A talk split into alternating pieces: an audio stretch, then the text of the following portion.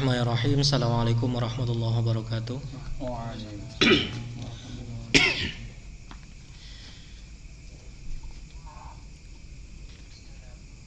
Al-Fatihah. A'udzu billahi minasyaitonir rajim. Bismillahirrahmanirrahim. Alhamdulillahi rabbil alamin. Arrahmanirrahim. Maliki yaumiddin. Iyyaka na'budu wa iyyaka nasta'in. Ihdinas siratal mustaqim. Siratal ladzina an'amta 'alaihim ghairil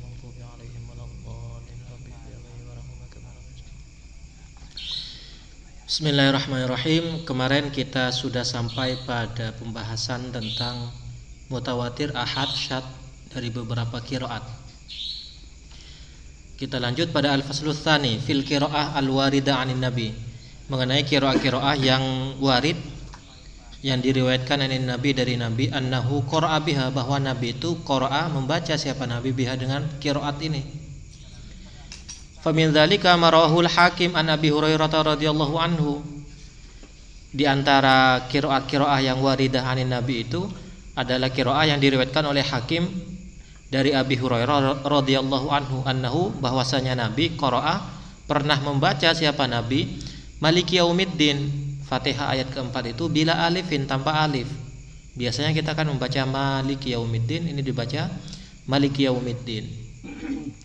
Waqad qara'a biha dan sungguh telah membaca biha dengan cara bacaan ini yakni Maliki Yaumiddin khamsatun minal qurra'i sab'ah siapa lima orang dari qori-qori yang tujuh di atas Siapa yang lima itu? Wahum Abu Amr, Wabnu Amir, Hamzah, Ibnu Kathir, Nafi. Wa qara'a Asim wal Kisai bi alifin, sementara Imam Asim dan Kisai dengan alif. Asim inilah yang digunakan di Indonesia. Qiraah Asim ya yang diriwayatkan oleh Imam Hafaz. Imam Hafaz riwayat Imam Hafaz dari Qori Asim. Wa kadzalika qauluhu ta'ala begitu pula begitu pula firman Allah taala Siratal mustaqim tetap di Fatihah bisad dengan sad wahia qiraatul jumhur yang dengan sad inilah qiraat jumhur ma ada akilan selain Imam Akil siapa itu wahwa Abu Amr Muhammad bin Abdurrahman Al-Makhzumi Al-Makhzumi fa maka sesungguhnya Akil Qara'a bisin siratal mustaqim. Pakai sin, sirat. Wa ma ada khalafan dan selain khalaf siapa khalaf itu wahwa Abu Muhammad Khalaf bin Hisham fa innahu qara'aha bi ismamis sad zayan. Sesungguhnya Imam Khalaf itu membaca ayat ini dengan cara ismam menggabungkan antara sod dan zai. Gimana ya? yang biasanya kan ismam dalam kiroa kita Indonesia latak mauna itu. Ini gimana cara bacanya?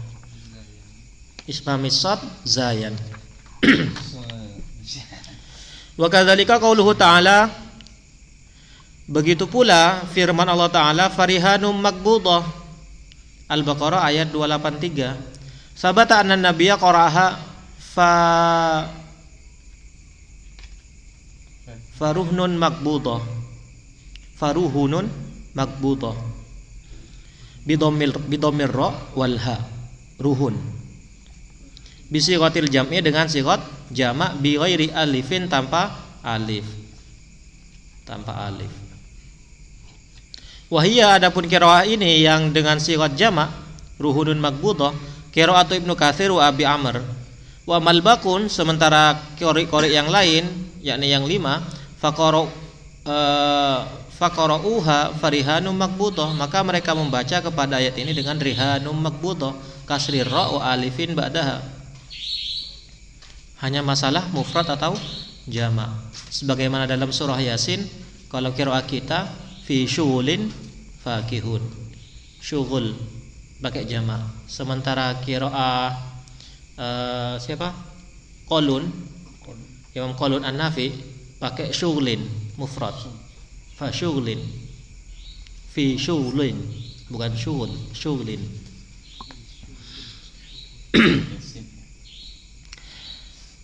Wa kadzalika qauluhu ta'ala nun shizuha Al-Baqarah ayat 259 bidhammin nun dengan dhammahnya nun. Bidhammin nunil ula dengan dhammahnya nun yang pertama wa dan sukunnya uh, nun yang kedua. Wa kasri shin dan kasronya shin. Nun shizuha. Anshaja yunshizu ba'daha zayun. Setelahnya shin itu ada zai. Wa hiya qiraatu hamzah wal kisai wa asim wa ibnu amir. Wa al bakun sementara yang lain membaca nun syaruha. Dari ansyara yunshiru birra dengan ra badala zai sebagai ganti dari dal. Ansharoyun shiru nun shiruha. Sementara yang tadi nun shizuha pakai za. Ini maknanya sudah agak berbeda ya. Kalau sirat dan sirat sin dan sot itu maknanya masih e, sama jalan. Kalau ini ansharoyun shiru maknanya irtifa intishar intasyara yantashiru uh, irtifa ya. Sementara ansyara yunshiru maknanya menghidupkan. Ahya yuhyi ansyara yunshiru. Wanzur ilal idhami kaifa nunshizuha thumma naksuha lahma. Jadi uh, kita di, bukan kita uh, khitab ini kan menyuruh untuk melihat tulang belulang yang sudah ada di tanah kaifanun shizuha bagaimana Allah menghidupkannya kembali? Suha lahma. Kemudian oleh Allah dibaluti oleh daging. Itu kalau nun ruha menghidupkan. Kalau nun shizuha diangkat dari tanah untuk kemudian bergabung menjadi jasad baru. Makna akhirnya ya tetap sama hanya makna mufradatnya saja yang berbeda. Jadi korek-korek yang tujuh ini walaupun beda bacaannya akhirnya tetap sama, tak mengubah makna. Wa kadzalika qauluhu ta'ala begitu pula firman Allah taala min anfusikum at-taubah ayat 20, 128. Laqad ja'akum rasulum min anfusikum azizun alaihi ma'anitum harisun alaikum bil mu'minina raufur rahim. Terus fa in tawallaw faqul hasbiyallahu la ilaha illahu alaihi tawakkaltu wa huwa rabbul arsyil azim. Ini banyak khasiatnya ya dua ayat terakhir itu ya. Allah. Ada teman saya yang istiqomah baca ini ketika sholat. Pokoknya setiap rokaat kedua bacanya pasti ini. Sekarang dia ada di mana? Ada di Irian Jaya, buka pesantren. Pesantren tahfidz. anak buahnya almarhum siapa? Mantan ketua PBNU Ki Hasim Muzadi.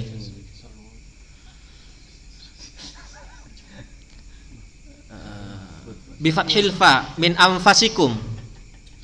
Bifathil fa anfas. Wa maknaha sementara maknanya anfas itu min a'zamikum qadron. Dari paling agungnya kalian qadron uh, apa qadronnya artinya paling agung e, kadarnya. Jadi anfas ini dari nafisah. Nafis yang paling bagus. Kama sabata an Ibnu Abbas radhiyallahu anhuma qala fi Ruhil Ma'ani berkata dalam kitab Ruhil Ma'ani wahya qiraatu Ibnu Abbas.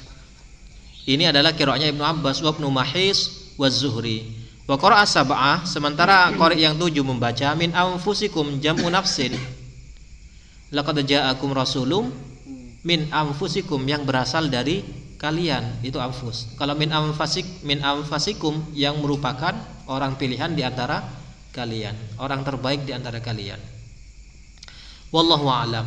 Al-faslu tsalits fi man ishtahara min as-sahaba wat tabi'in ridwanullahu alaihim bihifdzil Qur'anil Karim wa iqra'ihi. Pasal yang ketiga mengenai orang-orang yang masyhur dari kalangan sahabat dan tabi'in masyhur bihifdzil Quran bahwa mereka menghafalkan Quran wa dan membacakannya. Artinya menjadi rujukan orang-orang untuk belajar Al-Qur'an. Iqra. Fa minas sahaba alladzina ishtaharu bihifdzil Quran ahad asyara.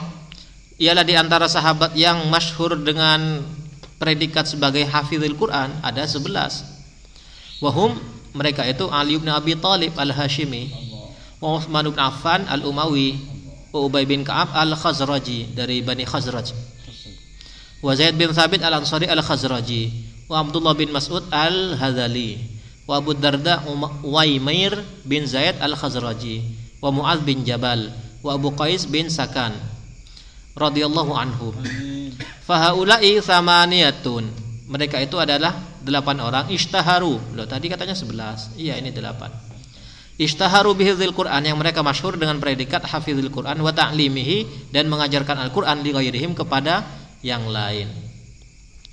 Faminhum di antara para sahabat itu akhadha Abu Hurairah mengambil siapa Abu Hurairah Abdurrahman bin Sohri ad-Dausi al-Yamani wa Abdullah bin Abbas al-Hashimi wa Abdullah bin Sa'ib al-Muttalibi radhiyallahu anhum ada itu Fahaula salah satu tiga orang ini Abu Hurairah, kemudian Abdullah bin Abbas, kemudian Abdullah bin Sa'ib akhadhu an ulaika akhadhu an ulaika. Mereka belajar dari yang delapan di atas tadi. Fajumlatul sahaba alladzina ishtaharu bihidil Qur'an ahada asyara. Maka ada pun jumlah sahabat yang masyhur dengan hafizil Qur'an ada sebelas, delapan di atas, kemudian e, tiga di bawah. Yang di atas itu kibarus sahaba. Sementara yang bawah siwarus sahabah. Yang di atas langsung berasal dari Nabi ya semuanya. Karena mereka nutut bersama Nabi sejak eh, masa-masa awal.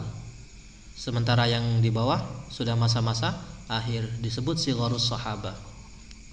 Inilah yang kemudian menjadi kritik agak pedas. Kenapa siwarus sahabah se seperti Abu Hurairah? Kok jumlah riwayat hadisnya lebih banyak daripada kibarus sahabat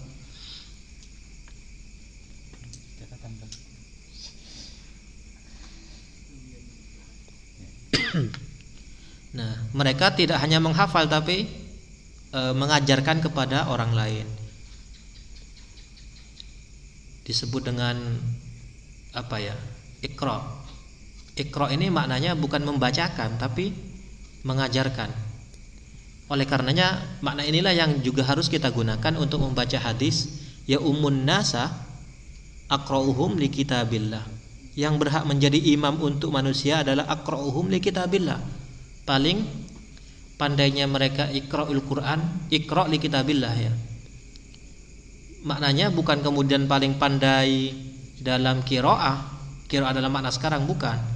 Tapi Orang yang memahami orang yang menghafal Quran pada masa-masa sahabat adalah sekaligus orang yang paling banyak memahami aturan agama.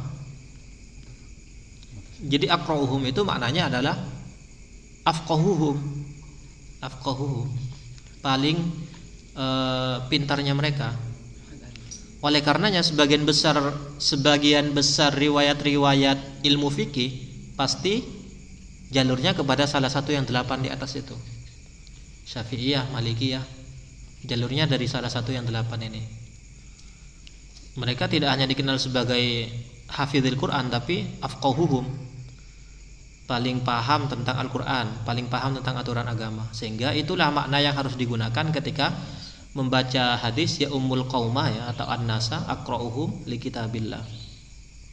Maka kalau kita kita baca Fathul Muin ketika membahas tentang siapa yang paling pantas untuk pertama kali menjadi imam solat adalah afqahuhum orang yang paling fakih paling banyak memahami agama.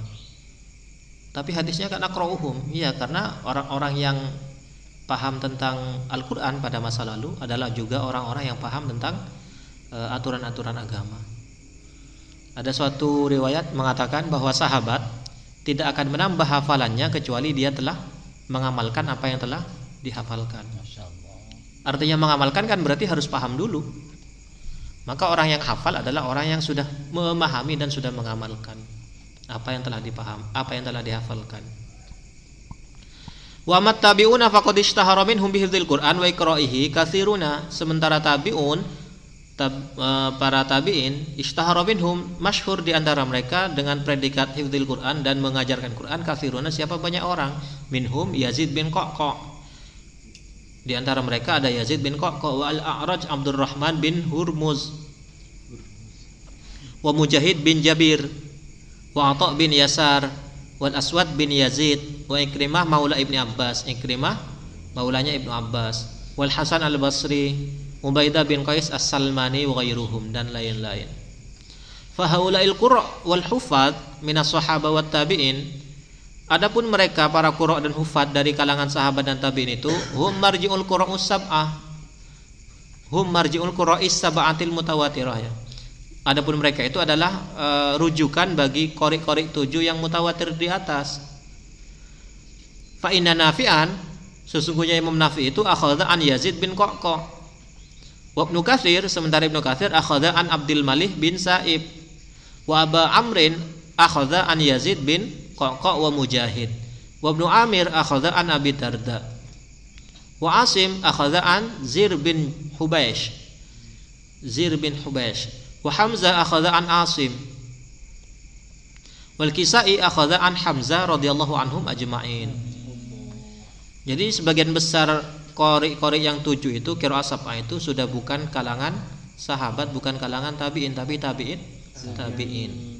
Jadi tak mungkin hadis yang mengatakan bahwa Al-Quran turun ala sab'ati harufin yang dimaksud sab'atil qurra bukan. Karena sudah jauh masanya. Al-babur rabi fi ma yarji'u ila al-alfat wa fihi sittatu fusulin. Al-faslul awal fil gharib. Pasal pertama tentang gharib.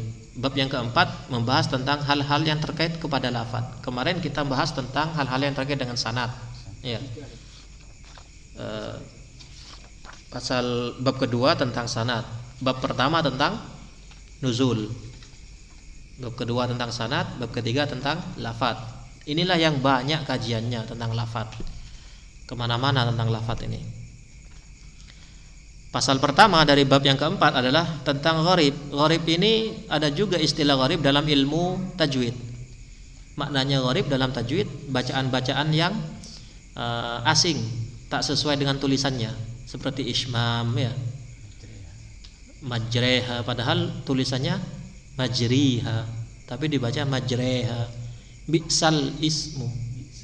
Dibaca bi'sal ismu dan seterusnya. Itu gharib dari sisi tajwid. Tapi dari sisi yang lain gharib juga min haitsul makna jadi gharib itu ada dua. Ada gharib min haitsul ada bagaimana cara melafalkannya ada min haitsul makna Nah, yang dibahas di sini min haitsul makna. Wal gharib sementara gharib itu ma wa huwa huwa ma la madkhala fihi. Adalah ayat atau kalimat la madkhala lirra'yi fihi yang tidak ada peran, tidak ada tak bisa masuk bagi akal fihi ke dalam ma. Bal yarji'u maknahu ila nakli. Tapi kembali apa maknanya ma ini kepada nakal. Akal gak bisa mencerna apa maknanya. Harus merujuk pada yang diriwayatkan oleh hadis Nabi atau sahabat. Kal qaswarah seperti lafat al qaswarah ismun lil asad. Nama untuk asad. Waqad sannafa fihi jama'atun dan telah mengarang fihi mengenai gharib ini jama'atun siapa sekelompok ulama. Minhum di antara mereka Abu Ubaidah mengarang kitab al-majaz kepada kitab majaz. Wa min ahsaniha dan di antara paling bagusnya kitab-kitab tentang gharib, Kitabul Mufradat adalah kitab Al-Mufradat karya Liraghib Al-Asfahani. Karya Raghib Al-Asfahani. Misal uh, di antara gharib itu kan alif lam mim ya. Pertanyaan sekarang alif lam mim itu ada maknanya atau tidak? Dalam Wahitul Usul kan la yajuzu wurudu ma la makna fil Quran. Tak boleh ada kata yang tak memiliki makna di Al-Quran Karena kalau ada kata yang tak memiliki makna di Al-Quran Kan sia-sia makna Penempatannya sia-sia Oleh karenanya alif lam mim yasin itu Memiliki makna Tapi wallahu a'lamu bimuradihi Ada maknanya tapi gak ada yang tahu Allah yang tahu dalam bahasa usul fikih itu dikenal dengan lafaz mujmal. Mujmal.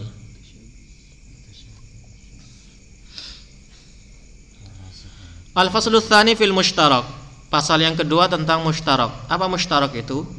Mushtarak itu huwa huwa ma ittahada lafzuhu wa ta'addada ma'nahu. Lafalnya satu tapi maknanya berbilangan lebih dari satu.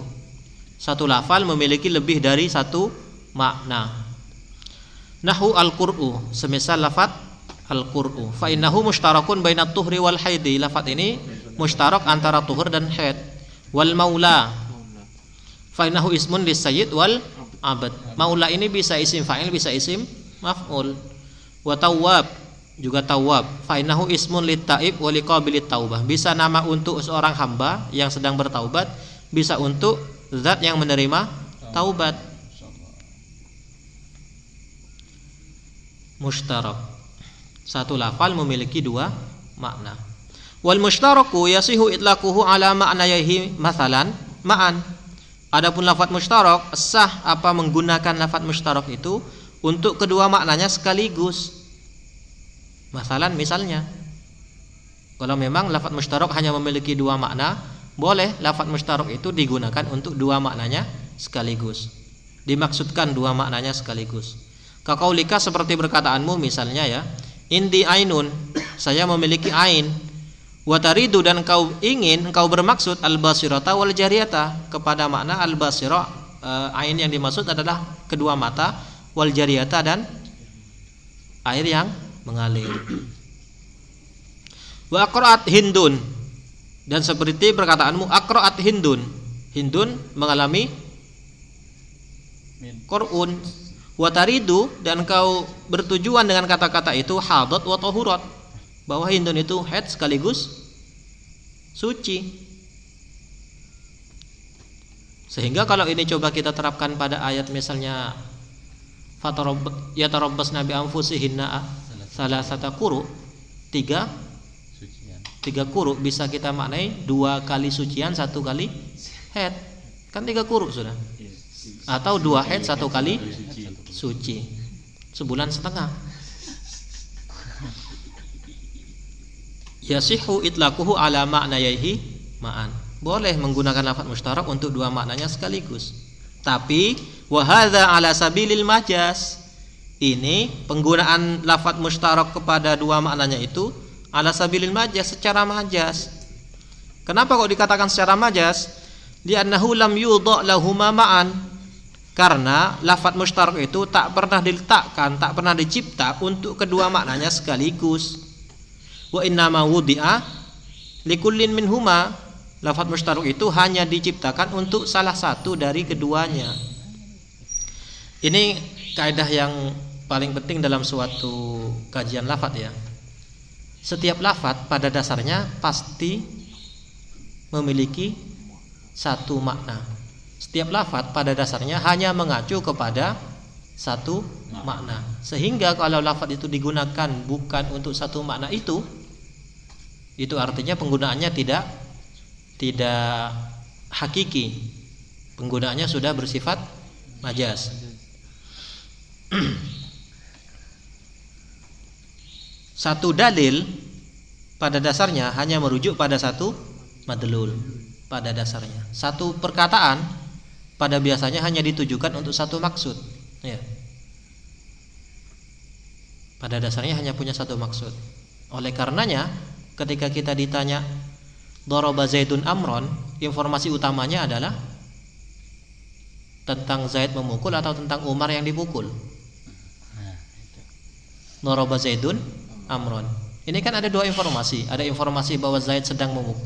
Ada informasi bahwa Zaid memukul ada informasi bahwa Umar yang dipukul. Lalu informasi utamanya apa? Informasi utamanya apa?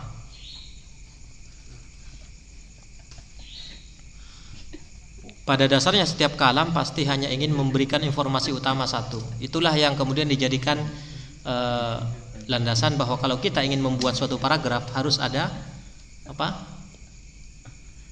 kalimat utamanya ya. Yang lain adalah pendukung untuk kalimat utama.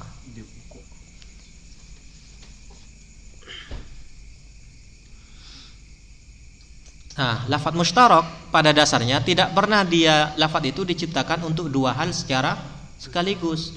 Tapi lafat mustarak itu diciptakan untuk A pertama, lalu makna A itu terlupakan. Diciptakanlah lagi lafat mustarak itu untuk makna baru B. Sehingga memiliki dua makna. Dalam bahasa Indonesia mustarak ini dikenal dengan istilah uh, ada tiga itu kan? Ada homofon, ada homograf, ada homonim. Mustarak ini disebut dengan homonim. Apa homonim? Homo itu sama.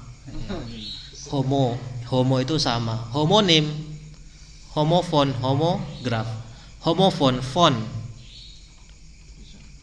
Homofon itu suaranya sama pengucapannya sama tapi tulisannya beda.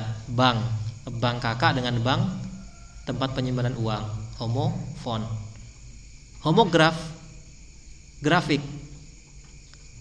Tulisannya sama tapi pengucapannya berbeda. Apel apel hari Senin kita apel bukan apel. Itu homograf. Homonim tulisan pengucapannya sama kedua-duanya sama. Itulah yang dikenal dengan mustarok dalam bahasa Arab. Bisa bisa. Itu bis, e, maknanya bisa bisa mampu atau racun.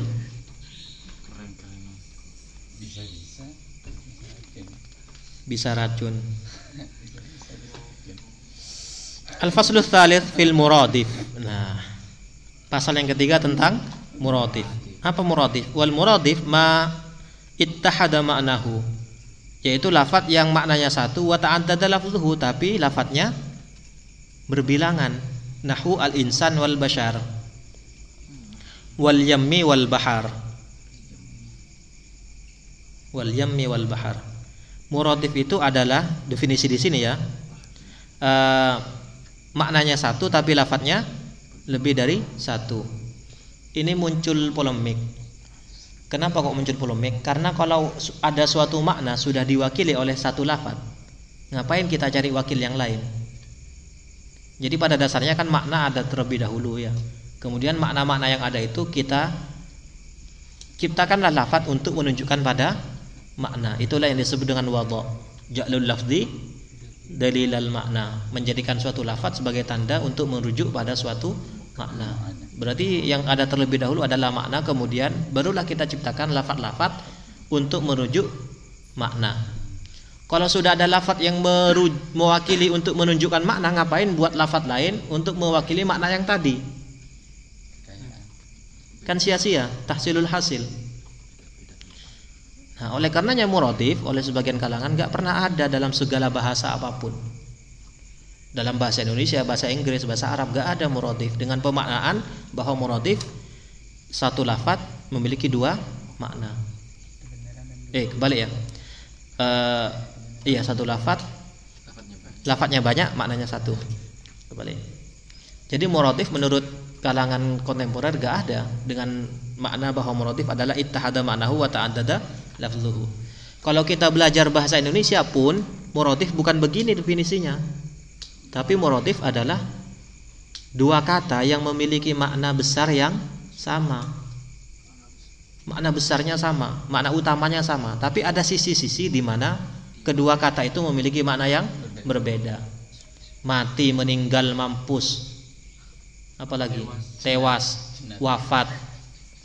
Itu makna besarnya sama. Apa makna besarnya? Makna besarnya kehilangan nyawa. Tapi kalau dengan cara terhormat misalnya disebut wafat. Kalau dengan cara yang tidak terhormat disebut mampus dan seterusnya. Dalam bahasa Arab pun begitu. Sampai ada uh, ulama mengarang kitab yang diberi judul Al-Furuq Al-Lughawiyah Al-Askari. Al-Furuq Al-Lughawiyah. Perbedaan-perbedaan kebahasaan. Jadi al-insan dan al-bashar walaupun makna dasarnya sama-sama sosok manusia tapi beda. Insan itu dari nas, dari nisyan. Jadi lafat insan melihat seorang manusia dari aspek psikologisnya. Sementara bashar itu sama dengan kulit ya. Melihat dari aspek uh, fisik. Melihat dari aspek fisik. Dalam beberapa kitab disebut bahwa bashar itu husnul hay'ah Kenapa disebut bashar? Karena Bashir. Apa Bashir? Uh, dia mudah bisa tersenyum. Kenapa kok tersenyum? Karena indah. Bashir. Kenapa disebut insan? Karena dari nisyan, nasia. Dan biasanya lafat insan ini dihadirkan untuk menegaskan bahwa dia bukan jin, bukan makhluk-makhluk yang lain.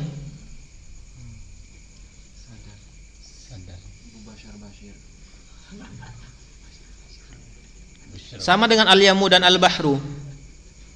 Al-yamu dan al-bahru itu maknanya makna besarnya memang sama tapi dalam penggunaan Al-Qur'an al-yamu itu ustukhdima ma'an ma'an niqami. Sementara al-bahru ustukhdima ma'an ni'ami. Kalau berbicara tentang nikmat pakai al-bahru, kalau berbicara tentang azab dan lain-lain pakai al-yammu. Fil yammi.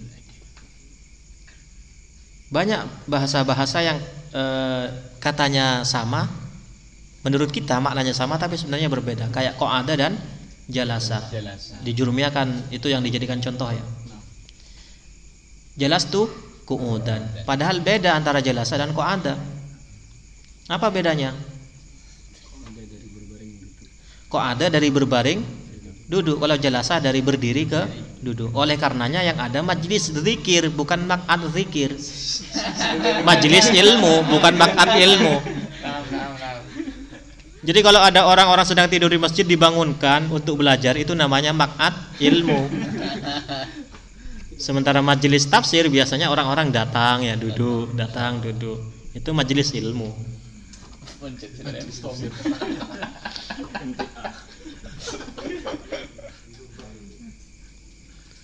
Sama dengan ata, ata, kodima, hadoro itu beda maknanya adalah di kitab Al-Furuq Al-Lughawiyah itu. Nah, dengan perbedaan-perbedaan ini maka ayat-ayat di Al-Qur'an itu bisa kita pahami secara lebih dalam. Kenapa kok pakai rodak, kok pakai kosakata ini, kok tidak pakai kosakata itu? Akan lebih dalam. Seperti ilahun dan robbun yang saya sampaikan kemarin itu.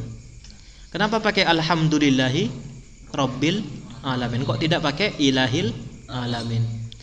Walaupun Rabbun dan Ilah itu maknanya sama-sama Tuhan, tapi kalau Rabbun itu Tuhan yang maha mengatur.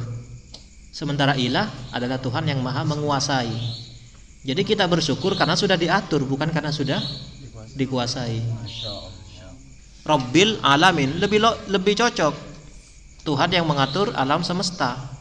Oleh karenanya sudah diatur dengan sangat baik oleh Allah, kita bersyukur alhamdulillah. Maka tidak bisa diganti alhamdulillahi ilahil alamin.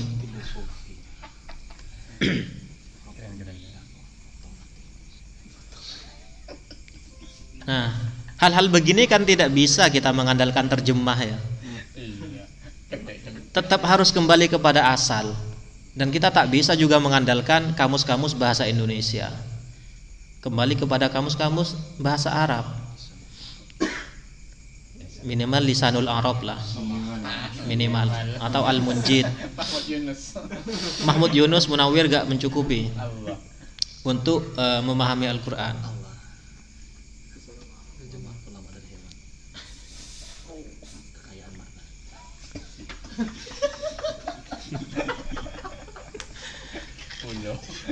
Iya iya.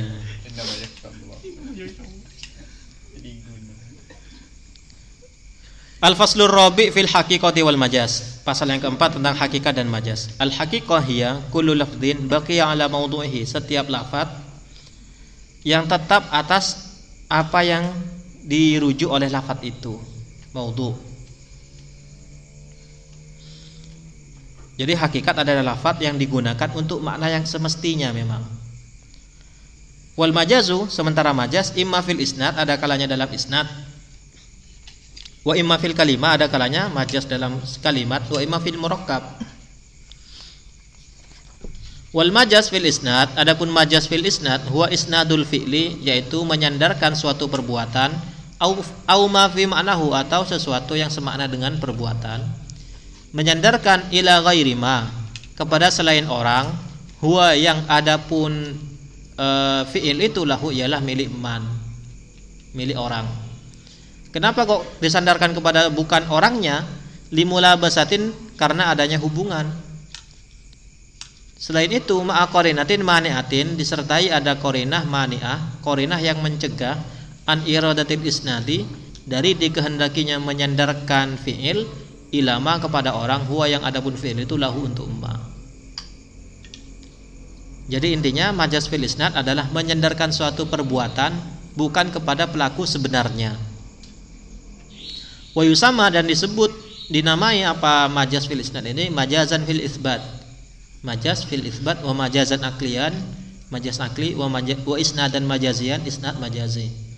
Nahu qaulihi ta'ala seperti firman Allah Ta'ala wa idza tuliyat alaihim ayatuhu zadathum imana dan apabila dibacakan orang mukmin itu siapa? Yakni orang-orang apabila dibacakan untuk mereka ayatuhu apa? Ayat-ayat Allah zadathum akan menambah apa ayat itu kepada mereka imanan keimanan. Jadi yang menambah iman yang menambahkan keimanan mereka adalah ayat. Padahal yang menambahkan keimanan adalah Allah taala. Wa nusibati ziyada disandarkan apa ziyada? Allati hiya fi'lullah yang mana itu merupakan fi'lullah ilal ayat kepada ayat. Kenapa kok disandarkan kepada ayat? Limula uh, tadi alasannya kan limula basa ya. Likauniha karena adanya ayat itu sababan adalah menjadi sebab fiha di dalam ziyada.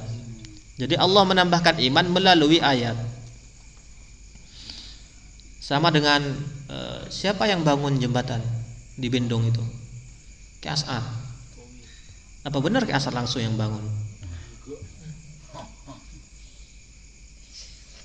Ini hasil bangunan saya, padahal hanya nyumbang uang, tidak membangun.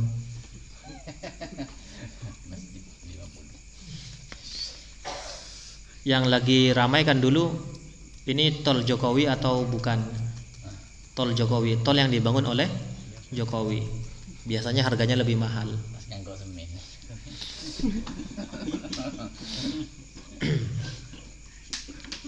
Ini namanya majas fil isnad. Majas fil isnad.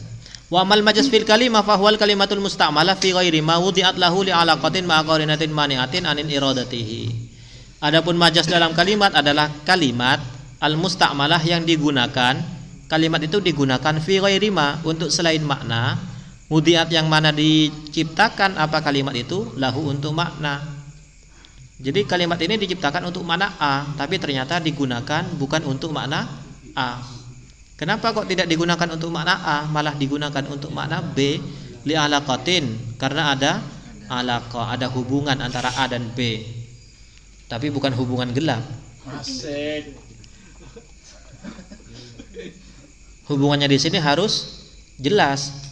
Oleh karenanya ma'akorinatin maniatin disertai ada korina mani'ah yang mencegah an iradatihi dari dikehendakinya ma makna asli sehingga lafadznya menjadi mafhum bagi pendengar bahwa yang dimaksud bukan A tapi B.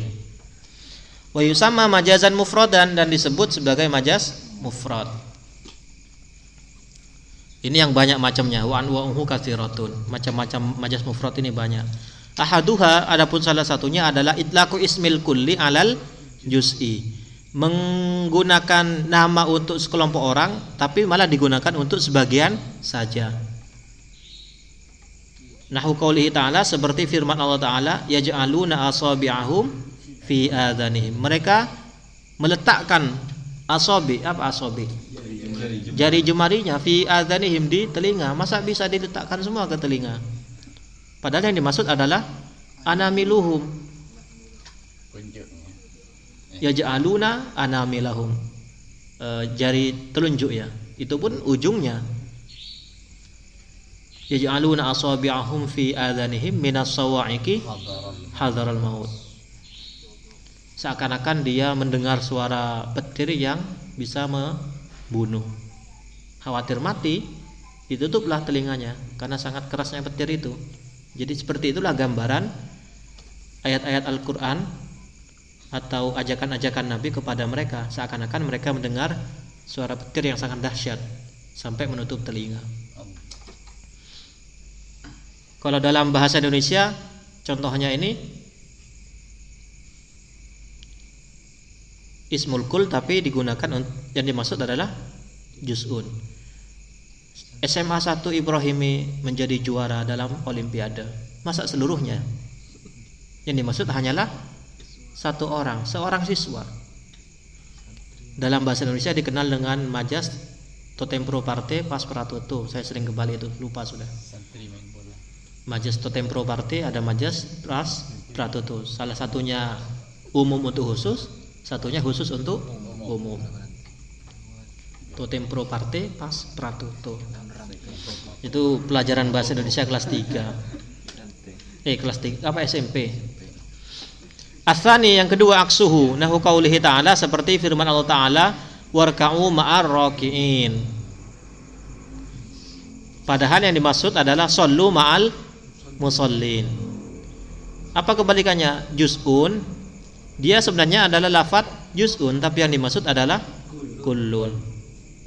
Nah, problem yang terjadi di bangsa Indonesia sekarang adalah masalah ini. Sesuatu yang sifatnya juz'un malah digunakan untuk kullun. Generali generalisasi ya. Ada orang demo di Jakarta. Kami mewakili umat Islam Indonesia. Allah. Saya di sini, saya umat Islam tapi tak merasa terwakili. Jadi masalahnya adalah generalisasi. Sesuatu yang bersifat khusus malah diterapkan kepada umum. Ada oknum polisi melakukan begini begitu, kemudian kita mengatakan polisi seluruhnya jelek, padahal hanya oknum. Ya. Ada juga oknum sekarang yang lagi rame bocah pakai PCNU. Ya. Kemudian e, membacakan puisi pasca kemudian oleh orang-orang yang benci NU. Lihatlah orang-orang NU. Ini contohnya. Saya kok anu ya merasa curiga bahwa yang begitu-begitu sebenarnya awalnya adalah cewek. Karena cewek kan kalau tersakiti oleh seorang laki-laki akan mengatakan Semua cowok Semua sama. cowok semua cowok. Laki-laki sama. Semua laki-laki sama aja. Potongin, potongin. Batang.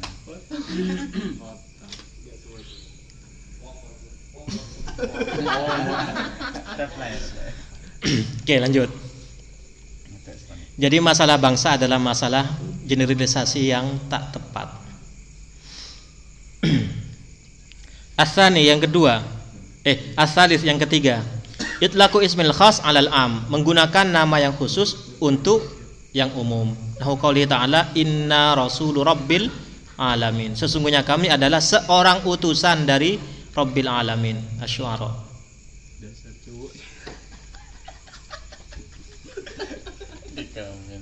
Apa ini maksud dengan Rasul Rasul Rabbil Alamin?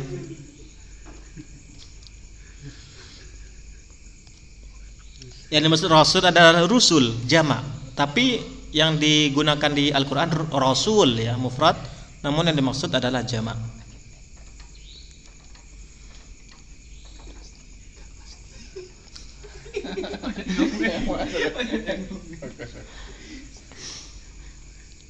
Lanjut kembali ke laptop. Arabi yang keempat, aksuhu kebalikannya, yakni itlaku ismil am alal khas. Nahu qaulihi ta'ala seperti firman Allah Ta'ala wa yastaghfiruna liman fil ardi. Dan mereka meminta ampun untuk orang-orang yang ada di bumi. Apakah semuanya? Ail mukminin artinya yang dimaksud man di sini hanya orang mukmin. Lafadznya am tapi yang dimaksud adalah sebagian saja. Kenapa kok man ini ditafsiri sebagai orang-orang mukmin saja? Bidalil qaulihi ta'ala dengan argumen dengan dalil eh, firman Allah taala wa yastaghfiruna lilladzina amanu. Al-khamis yang kelima itlaku ismil malzum alal lazim menggunakan nama malzum untuk sesuatu yang lazim. Nahu qaulihi ta'ala am anzalna alaihim sultanan fahuwa yatakallamu bima kanu bihi yusyrikun.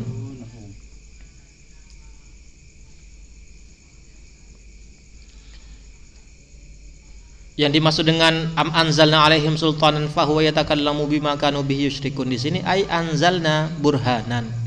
Kami menurunkan suatu burhan, argumentasi. Fahuwa yadulluhum. Burhan itulah yang menunjukkan kepada mereka. Tapi ayatnya fahuwa yatakallamu ya. Ayatnya malah e, menggunakan redaksi fahuwa yatakallamu padahal ini maksud fahuwa yadulluhum. Sumiyat dalalah kalaman disebut apa dalla itu sebagai kalam dalam firman Allah. Li'annaha karena dalalah itu min lawazimil kalam adalah sesuatu yang dihasil, yang pasti melekat pada kalam. Kalam itu kalam itu pasti memunculkan dalalah. Kalam pasti menunjukkan pada suatu makna.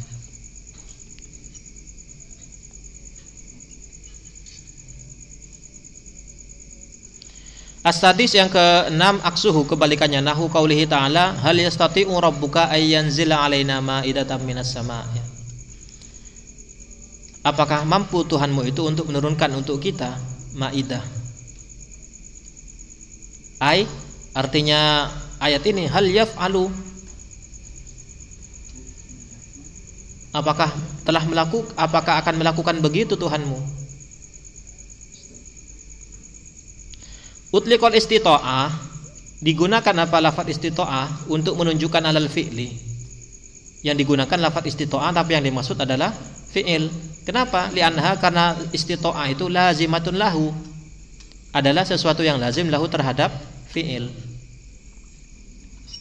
Apakah Tuhanmu mampu begini? Yang dimaksud bukan apakah mampu atau tidak pertanyaannya. Apakah Tuhanmu melakukan begini? Nah. sama dengan eh, kebiasaan kita ya nasinya masih ada ya itu sebenarnya bukan bertanya masih ada atau tidak tapi engkau ngampungan sehingga kalau orang-orang yang lurus hakiki orang-orang yang ahlul hakikoh iya masih ada tapi kalau yang ngerti dengan majas ayo makan sini Insyaallah. Gitu.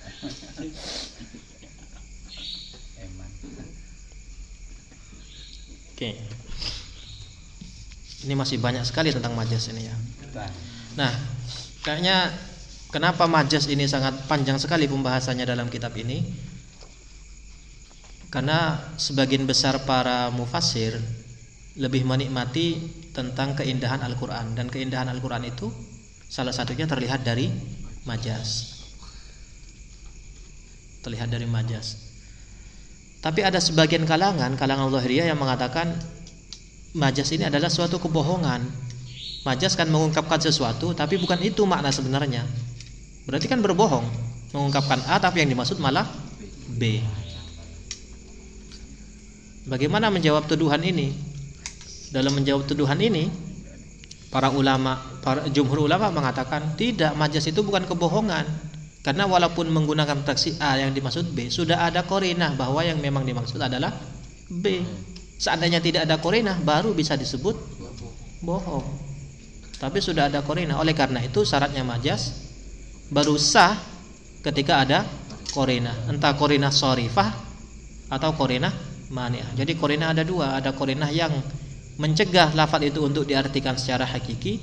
Ada korinah yang as-sarifah yang mengarahkan lafaz itu untuk dimaknai secara majazi. Mudah-mudahan bermanfaat. Kita cukupkan sampai sekian dulu. Al-Fatihah.